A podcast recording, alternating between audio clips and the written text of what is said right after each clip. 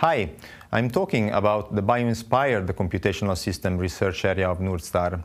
In this research area, we want to explore efficient computation by looking at how biological systems compute, and in particular the brain.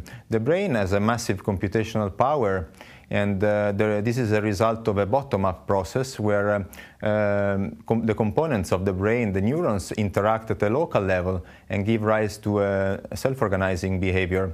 So we want to use an approach that rather uh, is bottom-up instead of the current uh, top-down approach that is used for AI systems, where the components of the system are precisely engineered and put together. The brain is a very optimized computing machine. It uses very little energy. It runs on 12 watts. So uh, current AI methods are very energy hungry, and in particular, the learning process is the bottleneck of the algorithm, is um, using a lot of energy and uh, therefore also producing a lot of uh, carbon dioxide. For example, one popular model, uh, BERT, uh, famous language model from Google has a uh, energy consumption that is roughly the same as a round trip from New York to San Francisco. If we want to scale up modern deep learning methods to achieve the same computation as the brain, uh, we might encounter problems in terms of energy consumption, in terms of uh, environment. Uh, the main problems of the current deep learning methods are uh, that they are not necessarily bio-inspired. They are not biologically uh, plausible in the way the learning happens. In the brain, the learning happens at uh, local level with local signals.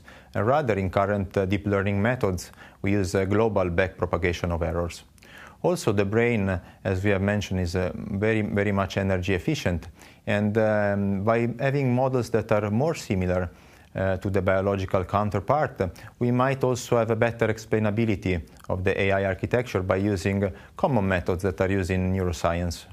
If we want to make better bio-inspired models of artificial intelligence and neural networks, we have to look at how biological neural networks work.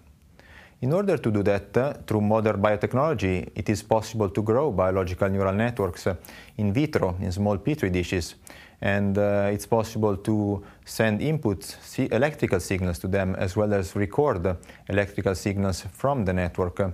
And therefore, it's, it's possible to create a neural network of a biological kind.